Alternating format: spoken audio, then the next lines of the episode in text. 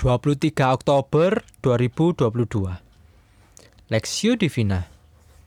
Mazmur pasal 5 ayat 1 sampai 12 Untuk pemimpin biduan.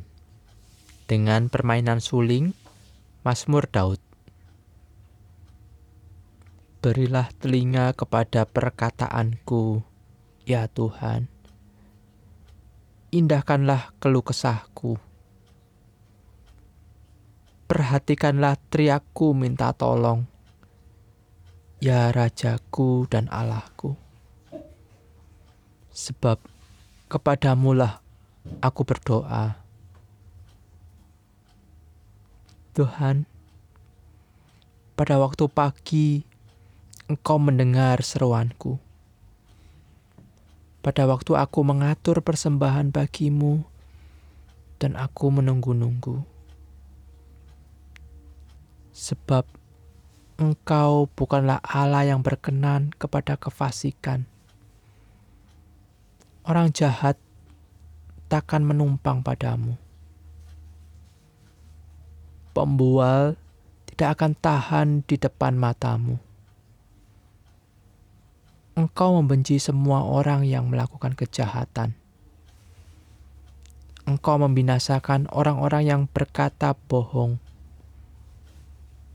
Tuhan jijik melihat penumpah darah dan penipu. Tetapi aku, berkat kasih setiamu yang besar, aku akan masuk ke dalam rumahmu, sujud menyembah ke arah baitmu yang kudus, dengan takut akan engkau. Tuhan, Tuntunlah aku dalam keadilanmu karena seteruku. Ratakanlah jalanmu di depanku. Sebab perkataan mereka tidak ada yang jujur. Batin mereka penuh kebusukan. Kerongkongan mereka seperti kubur tengah-tengah. Lidah mereka merayu-rayu biarlah mereka menanggung kesalahan mereka. Ya Allah, biarlah mereka jatuh karena rancangannya sendiri. Buanglah mereka karena banyaknya pelanggaran mereka, sebab mereka memberontak terhadap Engkau. Tetapi semua orang yang berlindung padamu akan bersuka cita mereka akan bersorak-sorai selamanya. Karena engkau menaungi mereka. Dan karena engkau akan bers dan karena engkau akan bersukaria orang-orang yang mengasihi namamu. Sebab engkaulah yang memberkati orang benar, ya Tuhan. Engkau memagari dia dengan anugerahmu seperti perisai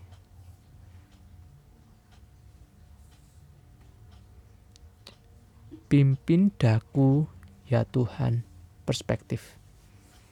Tetapi semua orang yang berlindung padamu akan bersuka cita. Mereka akan bersorak-sorai selama-lamanya.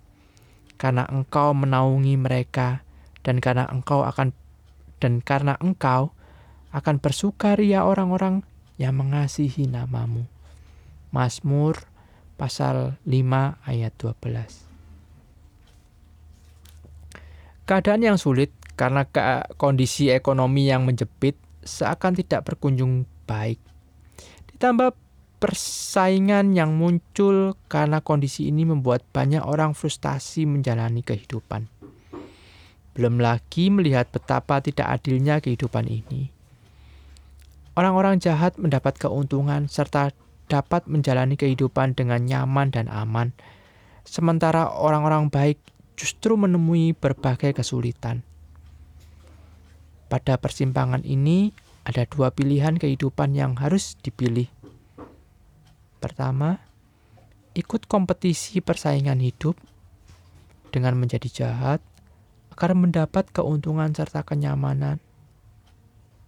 Kedua, tetap menjalani pekerjaan dengan sikap takut akan Tuhan dengan resiko menemui tantangan lebih banyak. Tidak mudah memang memutuskan apa keputusan yang harus diambil. Ayat yang kita baca ini juga mengisahkan persimpangan jalan yang pernah dialami Daud. Ia harus mengambil keputusan pada waktu-waktu yang sulit. Ia bergumul mengenai orang baik justru harus hidup terhimpit. Meski demikian, ia tidak membiarkan kenyataan hidup mendikte imannya. Ia tetap percaya kepada Allah yang menjadi raja dan tuannya. Ayat 3 sampai 4. Kepercayaan itu ditegaskan melalui keyakinannya akan pemeliharaan Tuhan dalam kehidupannya. Pertama, kedua, akan kasih setianya serta keadilannya yang menghiasi setiap jalan-jalannya. Dan yang ketiga, akan penghukuman akan orang-orang fasik pada akhirnya. Iman yang demikianlah yang memimpin Daud. Bagaimanakah dengan kita? Adakah kita mengalami situasi yang demikian? berada di berada di persimpangan jalan dengan konsekuensi yang begitu sulit? Jika iya, mari tidak membiarkan diri kita didikte oleh dunia ini atau dikendalikan oleh untung rugi sebagai konsekuensi. Akan tetapi biarlah kita dipimpin Tuhan sendiri melalui iman kita kepadanya. Yakinlah bahwa Allah akan memberikan yang terbaik bagi setiap orang yang mengasihinya. Ia adalah Allah yang adil, yang memberi berkat pada yang taat, dan melepaskan hukuman kepada orang-orang fasik.